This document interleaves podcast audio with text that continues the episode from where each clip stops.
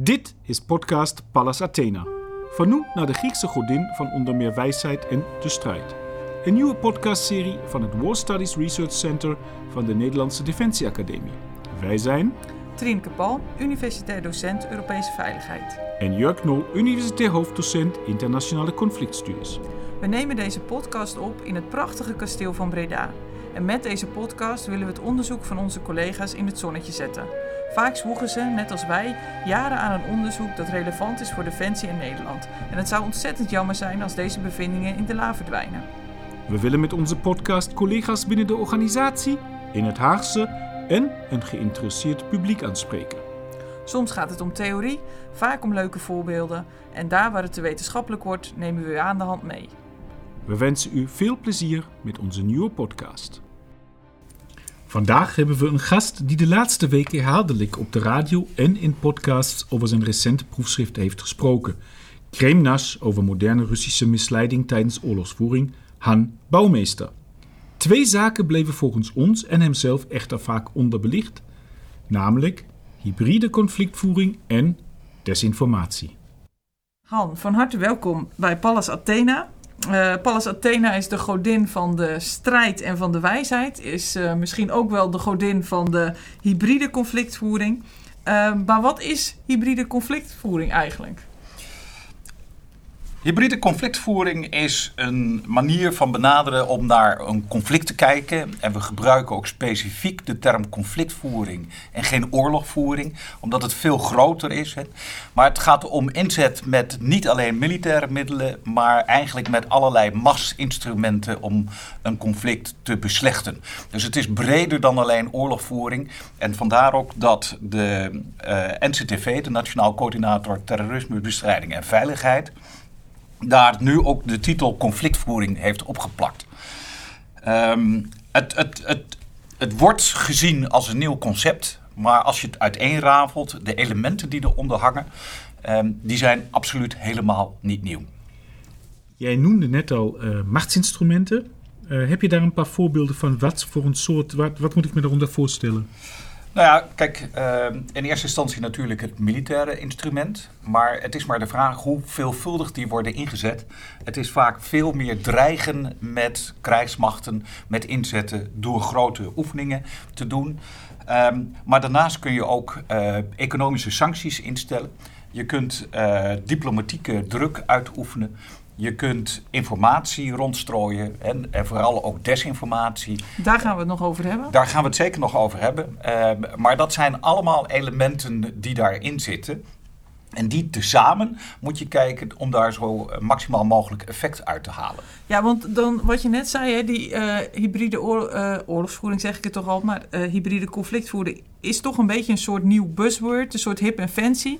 Maar je zei, eigenlijk is het niet echt nieuw. Nee, en zoals niet... je het uitlegt, lijkt het inderdaad ook wel parallellen te hebben. Kun je een paar goede voorbeelden geven? Nou, ik, ik, ik geef altijd aan dat het eigenlijk op zich al heel lang bestaat. Maar waarom nu pas van de laatste jaren. We zijn erachter gekomen dat we tot zeg maar zo'n 10, 15 jaar geleden conflicten altijd heel erg in, in vakjes indeelden. Dit is een conventionele oorlog en dit is counterinsurgency.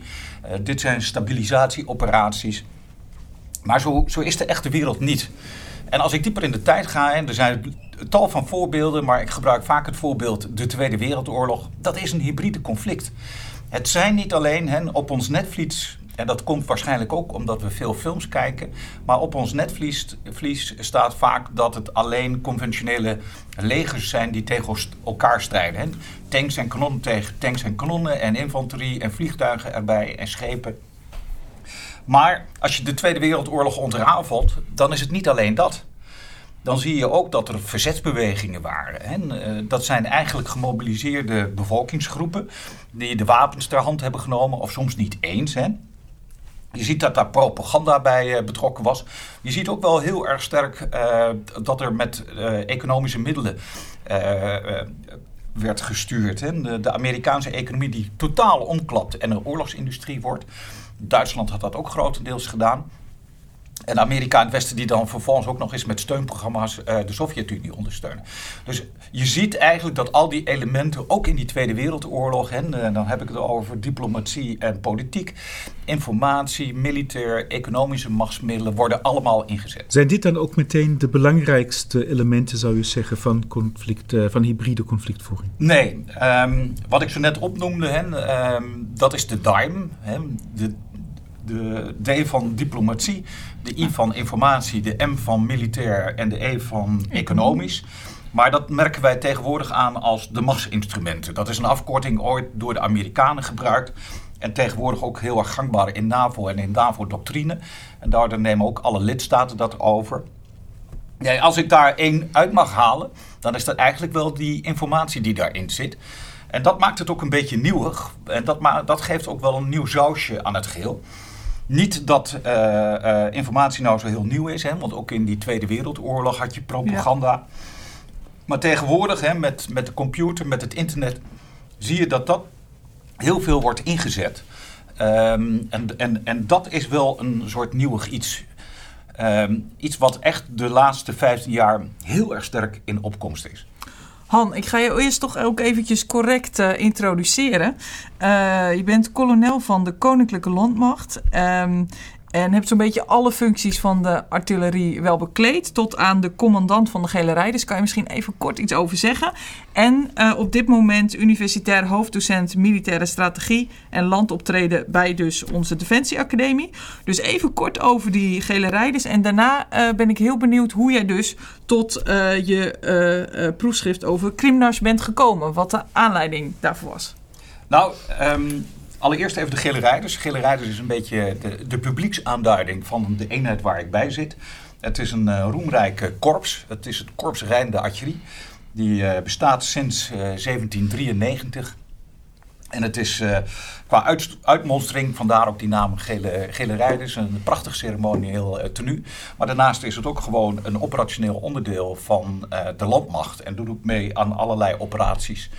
toen ik daar zelf commandant van was in de periode 2007-2010, ben ik ook met mijn eenheid naar Oeruskan geweest. Dus ook dat wordt gedaan. En daar toen ook al iets van hybride conflictvoering gezien? Was dat toen al een beetje, begon dat al die interesse of is dat later ontstaan? Nou ja, ik was daar als commandant van het uh, provinciaal reconstructieteam. En ook dat hen uh, in, in um, hybride conflictvoering zit ook heel sterk uh, beïnvloeden van je opponent. Um, en het beïnvloeden met een provinciaal reconstructieteam is natuurlijk ook, hè, je doet het niet met uh, militaire middelen, maar je probeert de lokale bevolking voor je te winnen door ook tegemoet te komen aan hun noden, zeg maar. Um, wij hebben bijgedragen het opzetten van uh, ziekenhuizen, bijgedragen aan het opzetten van een rechtssysteem en een gevangenis die daarbij hoort. Maar ook allerlei lokale economische projecten, kleine winkeltjes opzetten en mensen daar ook in trainen. Daar ben je mee bezig. Uh, in de hoop dat mensen daar ook het voordeel van gaan inzien en een goede maatschappij uh, die loopt. Um, dus dat, dat is ja, ook een wijze van beïnvloeden. En dat was onderdeel van de 3D-methode, uh, diplomacy, uh, defense en development. En ja, dat is eigenlijk ook zo'n uh, concept waar heel veel hybride aspecten aan zitten. Het zijn niet alleen militairen, maar ook de economische kant, ook de informatiekant zit daarin verweven, ja.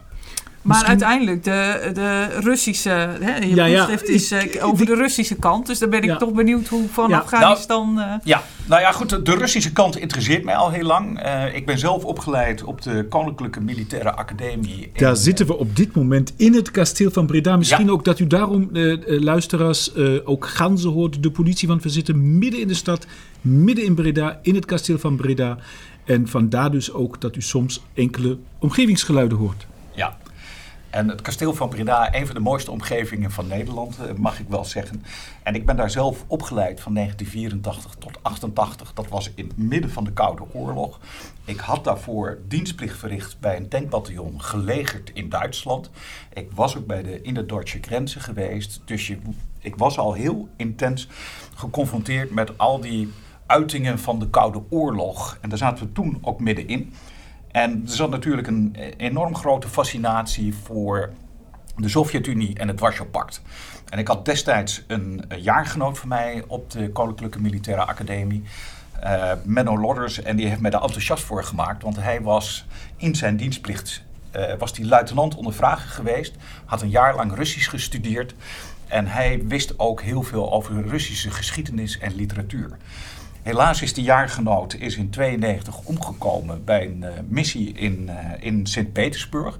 Een humanitaire missie om de Russische bevolking daar te ondersteunen. Na de implosie van de Sovjet-Unie viel dat helemaal uit elkaar en was er heel veel armoede en zelfs honger. Dus daar moest uh, geholpen worden. En hij is toen met een helikopter neergestort in de Finse Golf, helaas. Um, maar Menno was mede de reden dat ik mij heel veel ben gaan verdiepen. En op deze prachtige locatie hier in Breda, kasteel van Breda, daar heb je ook het Huis van Brecht met een fantastisch mooie bibliotheek. Die overigens in die periode nog in het kasteel van Breda zelf zat. Uh, en daar ging ik regelmatig naartoe en verdiepte ik mij al in de Russen. Daarna heb ik het een tijd lang niet meer gedaan, hè, toen ik luitenant werd en uh, kapitein. Maar dat had ook mee te maken dat wij langzamerhand andere soorten missies zijn gaan doen. En we hebben vredesmissies en stabilisatieoperaties uh, destijds de jaren 90, 2000, um, zo'n 20, 25 jaar gedaan. Um, maar ik werd in 2003 kwam ik in Amerika terecht en dan mocht ik een opleiding doen aan de US Army Command and General Staff College. Later nog een jaar gevolgd door de School of Advanced Military Studies. En daar werd ik weer opnieuw met de Russen geconfronteerd, want zij verdiepten zich wel in de Russen. En dus dat was ook al ver eigenlijk voor, ja. hè, voor ons heel vaak. Ik zou denk ik veel luisteraars verwachten misschien dat jij zou zeggen, ja in 2014 door de Krim dacht ik... Uh, nee, zover ben ik nog niet. Nee, nee oké, oh daar komen we nog. ja. Nee, we hadden toen uh, een aantal uh, Russische denkers in dat interbellum die heel veel bij hebben gedragen aan de ontwikkeling van de oorlogvoering. dus die Russen, dat nam ik wel steeds met mij mee. En uiteindelijk uh, werd ik in 2013 geplaatst hier bij de faculteit van de Nederlandse Defensie Academie. En um, ik was koud een jaar binnen. En ik gaf eh, voor het eerst een van de vakken, dat was militaire operaties 1. En dat ging specifiek over gevechtsoperaties. En toen kwamen eigenlijk de kadetten en de aardborsten naar mij toe en die zeiden: Kolonel, u heeft nu heel veel verteld. Maar als we nu goed kijken naar de Krim, wat daar gebeurd is in maart, 2014. Eh, Dan is daar geen schot gelost, geen slachtoffer gevallen. Maar de Krim is wel um, um, in, in handen gevallen van de Russen. Kunt u dat eens gaan uitleggen? Nou ja, Daar ben ik en, me toen in gaan verdiepen. En dat is natuurlijk nu de vraag van Han. Zou je alsjeblieft van ons willen uitleggen... wat hebben nou de Russen gedaan? Ja, wat hebben de Russen gedaan? Kijk, um, er, wordt, er is heel veel onderzoek naar gepleegd. Ook heel veel goed onderzoek, uh, naar mijn mening. Maar wat je ziet is, is dat ze allemaal deelfacetten hebben uh, ontrafeld en geanalyseerd van die hele operatie. En ik heb geprobeerd met mijn onderzoek, uh, wat in mijn proefschrift staat, Krimnash. Krimnash is een meme die werd rondverspreid. En Krimnash betekent de Krim is van ons. Um, maar het is eigenlijk, mijn punt is, is dat de Russen dat uh, op een um, totaal manier hebben benaderd. Hè, met een mooi woord, holistische manier benaderd hebben. Um, waar ook heel veel misleiding in zat. Waardoor wij dus om de tuin geleid zijn en aanvankelijk totaal niet wisten wat daar aan de hand was. De befaamde groene mannetjes. Nou, die zijn daar. Niet. nee, jawel. Um, um, opmerkelijk is overigens dat de groene mannetjes is een. Nou ja, benaming die de westerse pers geplakt heeft. Uh, eigenlijk de Oekraïne eerst zelf en daarna is dat overgenomen door de westerse pers. Die hebben dat erop geplakt. En waarom? Omdat het waren uh, operators van de Russische uh, inlichtingendiensten, de militaire inlichtingendiensten, de GRU. met een mariniersbataljon. En die droegen ook nog nieuwe Russische uniformen die niet eerder gezien waren. En ze hadden daar totaal geen rangonderscheidingstekens of uh, andere vormen waaraan je kon herleiden waar zij van afkomstig waren. Je zag alleen helmen met uh, groene uniformen daaronder, weliswaar bewapend, hoewel ze dat wapen nauwelijks hebben hoeven te gebruiken. Maar ja, dat, zo ontstond de aanduiding de groene mannetjes. De Russen zelf, overigens, noemen hun anders, die hebben het over de beleefde mensen. En daar is later ook een standbeeld opgericht Niet zozeer op de Krim, want daar zou je dat dan verwachten. Maar helemaal in het oosten, in de buurt van Vladivostok, is een groot standbeeld, bronzen standbeeld opgericht voor de beleefde mensen.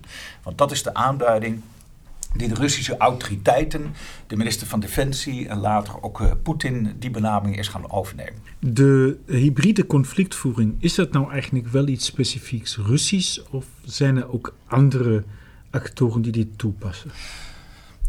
Nee, het is niet specifiek iets Russisch. Uh, sterker nog, de Russen kennen die term ook eigenlijk niet. Uh, ze vertalen het wel in Gibritnaya Vaina. Maar dat is omdat zij weten dat het Westen dit soort uh, benaderingen van conflicten hybride conflictvoering zijn gaan noemen. Is het iets typisch Russisch? Nee, dat is het niet. Maar toevallig hebben zij wel als een van de eerste, en we zijn dat nader gaan analyseren, toegepast in 2014. Maar als je eigenlijk gaat kijken in de geschiedenis, je ziet dat in 2005 begint die term populair te worden. Uh, aanvankelijk was die daarvoor in publicaties al wel eens eerder gebruikt om uh, het, het, samengaan van conventionele troepen en counterinsurgency aan te duiden. Mokaitis in zijn werk over Bordio uh, onder andere.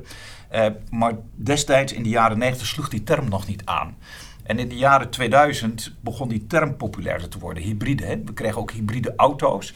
En dan wordt het eigenlijk een beetje taalkundig. Want door die taal, doordat we het vaker gebruiken, eh, wordt ook de aandacht voor dat begrip hybride conflictvoering duidelijk. Maar is er ook niet uh, een risico dat die, die, de, die terminologie inmiddels een beetje zo diffuus wordt dat er heel veel onder komt te vallen? Ja, ik zal er iets over uitleggen. Kijk, um, uh, hoe is het nou ontstaan? Want even terug nog naar de, naar de vorige vraag. Ja, wat je ziet is dat het Westen was bezig met operaties in uh, aanvankelijk Afghanistan, later ook in Irak. En daar gebeurde van alles. Hè. Het was eerst een uh, snelle opmars. Ook in Afghanistan hebben we het eerste half jaar vrij snel uh, met de Noordelijke Alliantie en met wat special forces en met airpower hebben we daar uh, inzet en operaties gedaan. En die aanvankelijk zeer succesvol waren. Maar dan klapt zowel in Afghanistan als in Irak klapt eigenlijk die hele operatie om. En dat wordt een, totaal andersoortige operatie. Het is dan geen gevechtsoperatie meer, maar het wordt meer een counterinsurgency en, en uh, ook met kenmerken later van een stabilisatieoperatie. En wat je dus ziet is, is dat we daar niet goed een verklaring voor hadden. En dat je ziet dat wetenschappers dan op zoek zijn naar een verklaring. En dan in 2005 wordt voor het eerst die term gebruikt door Jim Mattis, de latere minister van Defensie, hè, toen nog generaal bij de Amerikaanse mariniers. En die doet dat samen met uh, uh, Hoffman, Frank Hoffman. En die publiceren dat. En Hoffman die maakt uiteindelijk ook een studie. Uh, die kijkt ook de Tweede Libanon-oorlog tussen um, uh, Israël en Hezbollah in het zuiden van, van Libanon en in het noorden van Israël, wat daar gevoerd wordt. Dus um, nee, het is, het, het, het, is niet specifiek iets Russisch. Als je teruggaat in de tijd, en dan zie je dus hen ook even over dat hele begrip hybride.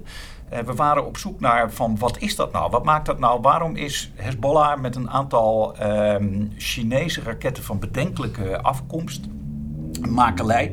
Hoe, hoe, komt dat nou dat ze toch redelijk succesvol zijn? En dan blijkt ook dat Hezbollah uh, dat verzeld laat gaan met heel veel berichtgeving op internet en op de social media die toen in opkomst waren. Uh, en daarmee verslaan ze als het ware Israël. Israël heeft daar overigens later ook wel van geleerd. En dat is iets waar onder andere die Frank Hoffman ook uh, op inzoomt met zijn eerste artikelen en dat ook blootlegt en dat aangeeft. Um, wat, hoe, ontwik hoe, ontwikkelt ja? zich dat, dat, dat ja? hele thema eigenlijk? Um, aanvankelijk zie je ook, hè, wat, wat uh, Hofman daarover publiceert, is dat het gaat over conventionele eenheden, het gaat over special forces, het gaat over um, ja, ook wel politieachtig optreden, criminaliteit zit erbij, maar het zit nog heel duidelijk in die geuniformeerde diensten. Dat verandert in 2014. En niet zozeer dat die Russen daar nu een heel ander um, denken over hebben opgestart met hun optreden. Want dat optreden past eigenlijk wel in zoals Hofman dat min of meer beschreef. Maar de hele wereld duikt erop en de hele wereld ziet zich geconfronteerd met die vraag van hoe kan het nou dat daar de, de, die Krim geannexeerd wordt zonder dat er een schot gelost wordt. Dan moet iets meer zijn dan alleen het militaire machtsmiddel. Dus andere machtsmiddelen gaan meespelen. En je ziet dat het dan ook in de geopolitieke sfeer getrokken wordt. En dat eigenlijk hybride conflictvoering dan ook pas wordt gezegd... ja, maar er zitten al die machtsfactoren Ja, maar daarbij. wacht eventjes. Nu, nu ga je wel heel erg snel, uh, Han. Want nu springen we natuurlijk van hybride conflictvoering. Dan komt opeens geopolitiek weer langs. Dat is natuurlijk wel iets dat we ook even moeten uitleggen, waar we even over moeten gaan praten. Ik bedoel, sinds juist 2014 horen we heel vaak dat na, na decennia van peacekeeping missies, die jij dus net ook hebt allemaal benoemd en waar jij ook bij betrokken was, um, horen we opeens dat geopolitiek weer terug is op de internationale agenda. Kun je kort uitleggen wat dit precies betekent en wat, wat betekent dit in relatie tot dus die hybride conflictvoering? Nou ja, Kijk, geopolitiek in, in die zin, ehm, als je het mij vraagt en de, de manier waarop ik het beschouw, is dat het um, geopolitiek wil zeggen dat het uh, over de wereld heen bekeken wordt van hoe um, uh, vinden die conflicten plaats. En wat je dus ziet is. En ook de rol van grootmachten. En de rol van grootmachten. Ja. En de rol van de mensen die het aansturen. Uh, en met name die laatste categorie. Hè, we zien uh, een categorie opstaan. Uh, en niet alleen, ook dichterbij. Hè, ik noem een Poetin, ik noem in China, ik noem... Ja, tussen 2016 en 2020 hadden we natuurlijk, of te, begin 2021 hadden we natuurlijk ook Trump. we hebben Orbán. Kijk naar Polen. Um, je ziet daar sterke, sterke leiders. Erdogan is er natuurlijk ook een van. En die bedienen zich heel erg van uh, wat bekend is komen te staan van realpolitiek. Uh, het, is dit, het gaat om macht. Het, en het hoeft niet altijd militaire macht te zijn, hè, want Trump mm -hmm. was daar niet, bediende zich daar niet eens zo heel erg sterk van. Die had het meer, uh, probeerde hen ook richting China met economische macht. Dus dat zijn factoren die natuurlijk meespelen in hoe we gaan denken over conflictvoering ook. Wij hebben een eerdere aflevering opgenomen met uh, Frans Ozinga en Tim Swijs. Dat ging over deterrence. Uh, dat sluit ook wel een beetje aan bij de ontwikkelingen die je hier schetst met die, die terugkomst van de geopolitiek. Hoe zie je die deterrence in relatie tot hybride oorlogsvoering? Zijn dat, moeten we daardoor andere strategieën gaan toepassen? zijn dat gewoon dingen die compleet los van elkaar staande ontwikkelingen zijn? Um, hoe, nee, ja, heeft natuurlijk uh, verschillende uh, hoedanigheden. En je probeert af te schrikken. Um, ik vind daar heel sterk een psychologisch element achter zitten. Van ik ben zo sterk dat hen maak geen trubbels met mij, want dan zal het je bezuren. Dus het is, en het gaat mij dan om hen in, in, in uh, deterrence zit voor mij dus heel sterk ook de perceptie die daarmee gecreëerd wordt. En percepties zie je dus ook terugkomen in hybride conflictvoering. Dat is denk ik het belangrijkste element als je het hebt. Hè. Dus, uh, eerder riep ik die informatieomgeving is belangrijk. Maar het creëren van percepties daarin uh, dat is een heel belangrijk element geworden. Dus daar zie je dus dat ook in die hybride conflictvoering ook die deterrence een heel groot uh, onderdeel van uitmaakt. Ja, want percepties, wat uh, bedoel je daar precies mee? Van wat voor percepties, percepties beeldvorming, hoe, ja. jij, hoe jij tegen de wereld Ja, aankijkt. ja. En, Kijk, er zijn uh, onderzoeken naar geweest. Uh, een, een, wiskundige computerwetenschapper, Eckhoff, die heeft er zo'n model. Hè. Uh, wij doen waarnemingen en, en, die waarnemingen komen bij ons binnen. Hè. We hebben zintuigen en die registreren, dat zijn waarnemingen. En zo krijgen we, hè, in de meest ruwe vorm noemen we dat data. En die data die worden langzamerhand omgezet in informatie. En die informatie gaat over in kennis en uiteindelijk ontstaat wijsheid. Hè. En die, het is trapsgewijs. Hè. Akhoff die had daar een piramide van gebouwd, waar wijsheid helemaal het topje van was. Um, maar ergens waar die data omgezet wordt naar informatie en die informatie omgezet wordt naar kennis, zien we dus dat dus die beeldvorming gaat ontstaan. Op, die kennis maakt, voordat je kennis hebt, heb je dus eigenlijk voor jezelf een, een, uh, een perceptie, een, een beeld gecreëerd van hoe iets eruit ziet. Nou, en dat, dat proberen we ook te beïnvloeden dan. En dat kun je voeden met informatie, maar dus ook wat wij tegenwoordig heel veel horen met desinformatie. Ja, want als we dan toch weer even de casus erbij pakken, ook met Rusland uh, met name. Ja. Uh, hè, want uh, Jurg noemde de groene mannetjes al, dat was meer die klassieke hybride oorlogsvoering. Maar die desinformatie speelde daar dus ook een hele belangrijke rol. Je zei, er zijn eigenlijk geen schoten gelost. dus kun je daar iets meer over vertellen? Wat was die desinformatiecampagne van de Russen? Nou ja, kijk, desinformatie eerst eventjes. Hè. Uh, er worden heel veel termen met, uh, van schadelijke informatie worden aangeduid als desinformatie. Um, dan moet je een klein beetje orde inscheppen, denk ik. Want um, waar we het over hebben is eigenlijk drie vormen.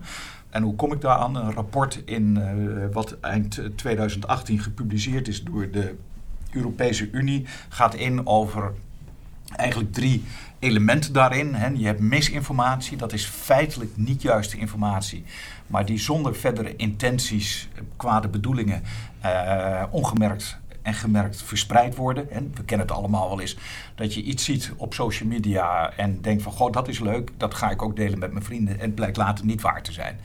Nou, je hebt niet de intentie gehad om daar mee te misleiden of wat dan ook. Um, dan heb je uh, desinformatie dat is feitelijk niet juiste informatie, maar die is ook ontworpen en in elkaar gesleuteld met de bedoeling om te misleiden. Dus daar zit wel een kwade bedoeling achter. En dan is er nog een derde element. Dat noemen ze dan malinformatie, mal van echt pijn doen. Dat hoeft uh, geen uh, onjuiste uh, informatie, dus dat, dat kan feitelijk juiste informatie zijn. Maar die wordt juist uitvergroot om iemand toch in een verkeerde context neer te zetten. Kun je daar een voorbeeld van geven? Nou ja, um, um, haatpreken. Uh, is daar zo'n voorbeeld van. Maar een ander voorbeeld is ook het bewust lekken van informatie om daar een ander mee te gaan schaden. Uh, maar die informatie hoeft niet altijd per definitie onjuist te zijn. En als je naar een hele milde vorm toe gaat, is dat eigenlijk ook propaganda. En propaganda, als je dat ontleedt in, in, in zijn totaliteit, en het grote mechanisme wat daarachter zit, is een tegenstelling creëren tussen wij en tussen zij. En wij zijn goed en alles wat we doen poetsen we ook een beetje op. En alles wat we aan activiteiten wat niet zo heel erg briljant is, ja, dat stoppen we weg of dat verdoezelen we. En bij de, bij de opponent doen we juist het tegenovergestelde. Dan doen we dat niet mee. Dus het is niet echt iets typisch Russisch. Want als ik dit zo hoor, dan doet me denken aan bijvoorbeeld ook een Bush die roept van uh, uh, The Evil Empire. Dat was Reagan, hè? The, the Evil Empire over Rusland. Ja. En, en, en either you're with us or against us. Een beetje wat identiteitsscheppende dingen ook. Nou ja, kijk, heel terecht opgemerkt, Jurg. Uh, het, is, het, het wordt op alle vlakken gebruikt. Het, het, het, het is redelijk gangbaar in de politiek. Waarbij ik niet zeg dat elk leugentje uh, nu direct al uh, als, als verregaande vormen van desinformatie aangemerkt moet worden. Maar als je even teruggaat naar de historie, hè, want dat is ook wel interessant. Waar komt nou die term desinformatie vandaan? Lang dachten ze dat Stalin dat ontworpen had in Rusland en dat hij daar twee Franse woorden, desinformation, voor had genomen. Nou, dat wordt nu tegenwoordig weersproken. En het blijkt namelijk dat in de Eerste Wereldoorlog uh, hadden de Duitsers al een departement van desinformatie. En dat hebben de Russen overgenomen. Dus ik weet niet of dat nou de oorsprong ook bij de Duitsers te vinden is, maar die gebruikten het in ieder geval al. En het kan best zijn dat het daarvoor ook al wel de term uh, gebruikt werd. Maar dat is nou zo langzamerhand wat nou uh, de, laatste aannemelijkheid is waar we van uitgaan. En het aparte, ik... aparte, is, hè, ik, sinds die annexatie van de Krim in 2014 er, hou ik me daar ook al mee bezig en onderzoek ik dat ook. En ik kon eerst de term desinformatie was niet terug te vinden in het Nederlandse woordenboek. Dat kenden wij niet. Wel het Amerikaanse, Engelse desinformation.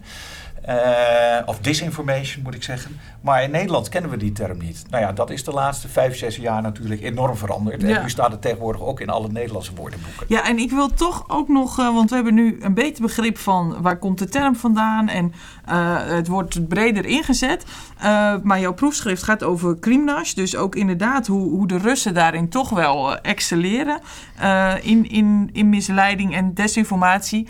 Uh, kun je daar toch uh, nog wat meer over vertellen van die specifieke casus in de Krim? Van wat zijn ja. daarin uh, concrete strategieën geweest? Ja, nou, een eerste, ehm, wat ik opmerkelijk vind, en dat is niet eens zozeer desinformatie geweest, maar de, de, de sterke, het, het, het gebruik waarmee je dus echt wel mensen probeert met informatie te beïnvloeden. Een voorbeeld daarvan is, is dat, kijk, um, voorafgaand aan die annexatie van de Krim, zie je dat er aanvankelijk eerst in Kiev, later over heel Oekraïne en uiteindelijk naar de Krim allerlei protesten zijn. Hè? Dat heeft ermee te maken uh, of de president daar kiest voor Rusland of voor de EU. Uh, want die hebben steunpakketten omdat het niet goed gaat met, met de Oekraïne. Nou, er komen allerlei protesten. In Kiev gaat dat helemaal mis. Hè. Euromaidan uh, uiteindelijk. Maandenlang wordt daar geprotesteerd. Uh, er wordt opgeschoten op die betogers. Daar komen meer dan 100 mensen bij om. Maar die betogingen slaan over. Eerst naar andere grote steden, Lviv, Kharkov, dat soort steden. Maar het komt ook op de Krim terecht. En daar wordt gedemonstreerd. En wat er dan vervolgens gebeurt... Hè, Um, mensen ontvangen op hun mobieltjes, want die hele telecommarkt was al in Russische handen. En er is een heel groot sterk vermoeden dat de Russische uh, inlichtingendiensten dat hebben aangestuurd. Maar mensen die betoogd hebben, hè, die waren te traceren met uh, behulp van GPS. Dus ze konden precies nagaan wie daar dus aan die betogingen hadden meegedaan. En die ontvingen dus allemaal heel gepersonificeerd uh, een berichtje met wij weten dat jij in een verboden demonstratie hebt meegedaan, punt. Meer ook niet. En daarmee werd een hele ja, onzekere uh, sfeer gecreëerd naar die mensen toe. Erg onheimisch. Die niet meer wisten um, waar ze aan toe waren. En dat hoort overigens bij al die misleidingstechnieken. Die maar is dit echt misleiding? Even in de zin nee, van... dit is geen misleiding, maar het is wel heel sterk sturend. Ja. Ja. En uh, je, je roept daar een bepaalde sfeer mee op. Nou, vervolgens is men, zijn men allerlei berichten. En, uh, um, de Russen doen dat een beetje getrapt. Hè. Dat begint met hun autoriteiten, bijvoorbeeld hun minister van Buitenlandse Zaken of hun premier of soms zelfs de president. Die doen uitspraken, die worden overgepakt door de mainstream media. Uh, vooral Russische televisie en radio zijn er sterk in. Kranten wat minder, hè, want die worden ook, nog steeds, uh, zijn die ook nog steeds erg kritisch uh, op, op, op, op de Russische autoriteiten. En dan hè, de derde stap hè, van autoriteiten naar mainstream media komt het uiteindelijk ook bij de trollen. En uh, komt het bij de social media terecht, die dat ook nog eens een keer helemaal verspreiden. Nu was natuurlijk Krim en Oekraïne een beetje aanleiding ook voor de NAVO en met name de Baltische Staten om eventjes die, uh, echt, echt te slikken en, en een beetje te bedenken van zou dit ook bij ons kunnen gebeuren? En nu hebben wij um, recentelijk met jou, ben jij met ons beiden online door de Baltische Staten nota bene gereisd. En uh, die hadden we natuurlijk gepland, ook vanwege die mogelijke Russische dreiging. En daar hebben we heel veel gesprekken gevoerd, inderdaad online, met experts, militaire beleidsmakers, ook onze ambassadeurs waren er aanwezig. Um, maar ben je daar nog um, voorbeelden tegengekomen die in dat straatje van jouw onderzoek uh, Jazeker, je hoort aan alle kanten uh, mensen die wij daar online hebben gesproken, uh, autoriteiten, maar ook de Nederlanders vanuit de ambassade die daar op, op bespiegelingen geven. Um, hoe sterk de Russen ook um, gericht zijn op die Baltische staten. En met name met allerlei vormen van desinformatie om die te verspreiden. Ik heb daar ook wat onderzoek naar gedaan. Ik heb in, uh, in september 2020 is een artikel daarover verschenen in de Militaire Spectator. Uh, specifiek toegepast op Litouwen. Maar het blijkt dus dat die Russen um, al langere tijd um, heel sterk hun pijlen richten qua desinformatiecampagnes op die Baltische staten. En um, wat willen ze daar nu mee? Ja, ze willen graag dat er uh, een soort ontwrichting in die maatschappij komt. Want dat is ook vaak de bedoeling van dit soort campagnes. Uh, en als dat in zo'n staat zelf gebeurt, hè, dat er dus meerdere verschillende groepen die allemaal op hun manier daar naar kijken en daar ook allemaal een belang in hebben. En die belangen botsen met elkaar. Ja, wat is er nou mooier om dat voeding te geven? En dat niet één partij, nee, gaat liefst naar al die partijen toe om die wat te voeden. Want die gaan dan, die clashen met elkaar. En, en uh, op die manier krijg je een hele onstabiele samenleving natuurlijk. Dus de vraag is, hoe kunnen we dit tegengaan? Nou, dus ja, dat, als we dat wisten, hè, dat, dat is de, de golden bullet uh, vraag. Um, antwoord heb ik ook niet helemaal. Um, wel als je opleidt wat we nou kunnen doen aan uh, desinformatie. Hè. Er zijn een aantal dingen. Um, er zijn een aantal mensen die hebben erover gepubliceerd en je kunt het, uh, wat ze dan noemen, algoritmisch proberen op te lossen, maar daar zitten haken en ogen aan. Algoritmisch wil zeggen dat je dus computerprogramma's, algoritmen zijn eigenlijk stuuropdrachtjes voor de computer. En als je dus een programma ontwerpt wat uh, desinformatie zou kunnen opsporen. Maar daar kom je al loop je al tegen het fenomeen aan. Ja, wat ga je dan omschrijven als desinformatie? Hè? Wat is nou de waarheid? Hè? Even, ik, ik, noem ook altijd als voorbeeld. Hè? Uh, stel, dat je, stel dat er een ongeluk gebeurt, auto rijdt tegen een huis aan. Um, en als je daar twee mensen, twee journalisten van twee verschillende kranten naartoe stuurt. En als de ene journalist nou heel erg begaan is met auto's, die gaat vertellen welke kleur auto, welk type merk en wat de schade is in zijn artikel. Terwijl de andere uh, beschrijft en veel meer mensgericht is. En beschrijft van de bestuurder was gewond en er zaten nog twee kinderen in en er was nog een man achtergebleven. Dus die zoomt meer op de menselijke aspecten in.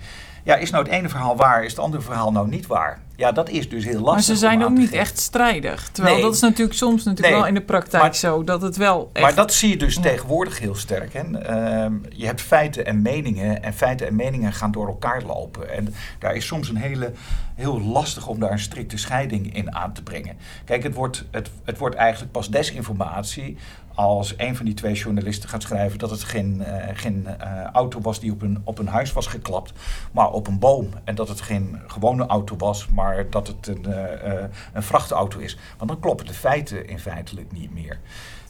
En dan kom je dus op een glijdende schaal. Maar even terug, hè, dat is dus ook het lastige als je algoritmisch uh, wil gaan bestrijden. Daarnaast, hè, als je in dat soort programma's uh, dingen, woordjes wil laten opzoeken die kunnen tenderen naar desinformatie. Ja, je kunt ook een journalist hebben die een artikel schrijft over desinformatie en dat juist aan de kaak wil stellen. Ja, die scoort dan ook hits in dat soort programma. Wil je dat? Dus dat is lastig. Nou ja, nou ja de, de, de, we komen. Wil, dat is lastig. Kan dit ook binnen Nederland? Kijk, iedereen, ja. je hebt net al de, ik, ik, de zogenaamde sterke man genoemd. Ja, mag, mag ik nog heel even afmaken? Ja, want het is, ja, het is, het is algoritmisch. Hè? Het is um, wetgevend. Duitsland loopt daarin voorop. Hè? Het gaat dan om, om strikte wetgeving als je het hebt over nou ja, haatzaaierij, um, slecht spreken, um, dat soort dingen, om dat aan te pakken en mogelijk zelfs websites daarop te kunnen afsluiten. Uh, Nederland is nog niet zo ver, maar er is -hmm. wel wat in voorbereiding via ook onder andere het ministerie van Binnenlandse Zaken. Die overigens als ministerie ook is aangemerkt als de kartrekker binnen de Nederlandse overheid om ah. iets aan te doen. Dan hebben we nog een derde punt, dat is correctief. Uh, we hebben allemaal clubs als uh, factcheckers. Er is ook een EU-taskforce gericht tegen disinformation, die elke week publiceert wat er allemaal gericht is tegen de EU aan boodschappen die niet kloppen. Dan hebben we natuurlijk educatie, dat is het vierde element. Dus een soort weerbaarheid eigenlijk. Ja, ja. ja. We doen het al langer in Nederland. Hè. Uh, democratisch burgerschap staat eigenlijk al een 10, 15 jaar. Uh, wordt dat onderwezen op scholen in Nederland. Wat daarbij is gekomen is mediabewustzijn. Dat we ook de, de leerlingen op de scholen bewust maken van geloof nou niet direct alles wat er op social media of op de televisie is. Maar en als je het niet vertrouwt, ga eens eerst kijken of dat ook in een andere krant, andere televisie is. Dus je legt nu al aan ons ook uit wat Nederland kan doen en ligt al doet. Ja, en er is nog een laatste en dat is ook wel uh, um, interessant. En dat is eigenlijk uh, psychologisch kun je er ook iets aan doen. En dat noemen ze de inoculatietheorie. En, dat moet je even uitleggen. Ja. ja, ik zal iets uitleggen. Het, het, het is een uh, onderzoek wat al uh, een paar jaar loopt, ook aan de Universiteit van Cambridge. Er zijn ook twee Nederlanders bij betrokken die daarover uh, ook al gepubliceerd hebben. Ehm, Sander van der Linden en Jon Rosenbeek die dat doen. Um, maar wat houdt dat in? Ja, het is eigenlijk heel actueel, want ze maken eigenlijk een vergelijk met vaccinatieprogramma's. En wat ze dus doen, hè, wat, je, wat je eigenlijk doet bij een vaccinatieprogramma, is de zwakke stam van zo'n virus inbrengen, zodat het lichaam zelf uh, daarop gaat reageren en antilichaampjes en antistoffen aanmaakt, zodat je dus uiteindelijk er niet meer ziek van wordt. Nou, dat is de gedachte die achter de inoculatietheorie zit. Ze hebben nu ook een game bedacht. Um, en daar kunnen mensen op, op, op zes verschillende lijnen. Hè. Ten eerste moet je een, een denkbeeldig uh, identiteit aannemen online. Ten tweede gaat het gepaard met emotie. Ten derde uh, moet het polariserend zijn. Ten derde of ten vierde moet dat informatie zijn die heel erg buiten de, de scope ligt. Om mensen op die manier te leren triggeren van wat is nou desinformatie. Door zelf dus dit soort desinformatie te gaan maken zodat je dus later zelf steeds meer bewust wordt om ja, dat te doen. Precies. Dat is nu uh, vervat in een game. Uh, uh, Drog heet dat. En dat is nu ook, dat ligt al bij het ministerie van Binnenlandse Zaken en Koninkrijksrelaties. En dat is met name voor uh, onze Nederlandse autoriteiten, mensen in het Nederlandse openbaar bestuur, om daar gebruik van te maken, om dat ook te gaan toepassen. En dat is heel interessant om dat te doen. Wat zou je, uh, want we hebben het nu toch een beetje over wat, wat je kan doen en ook uh, voor jonge mensen. Als je kijkt naar onze opleiding, de Nederlandse Defensie Academie en met name de officiersopleiding, wat, wat zie jij daarvoor kansen en mogelijkheden op dit punt? Ja, nou, we doen al heel veel. Uh, ik wil daar een paar dingen over noemen. Uh, specifiek binnen de faculteit van de Nederlandse Defensie Academie, vooral de vakgroep krijgswetenschappen. Wij kennen bijvoorbeeld al de minor info at war. Um, je leert je daar zelf inleven hoe het is om dit soort operaties op te starten. Hè. Er zitten een aantal lijnen in. Hoe ga je om met je bescherming? Uh, maar hoe zou je ook zelf uh, zo'n operatie kunnen gaan optuigen?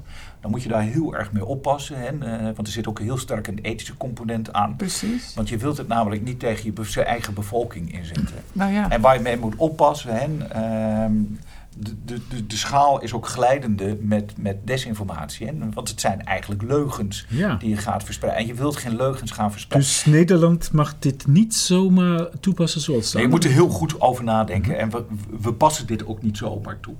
En even daarover opgemerkt, uh, wat je doet met dit soort informatieoperaties, je onderscheidt een bepaald publiek, de target audience genoemd. Maar die target audience die kun je niet isoleren.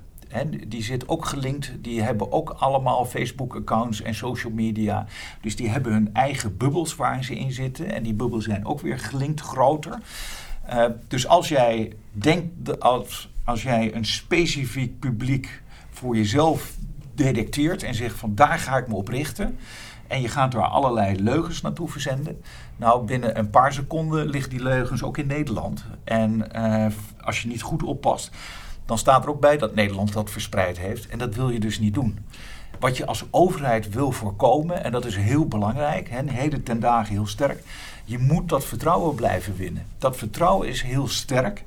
Um, want dat hoort een overheid uit te stralen. En dat doe je niet door leugens te verspreiden, ook niet naar je opponent.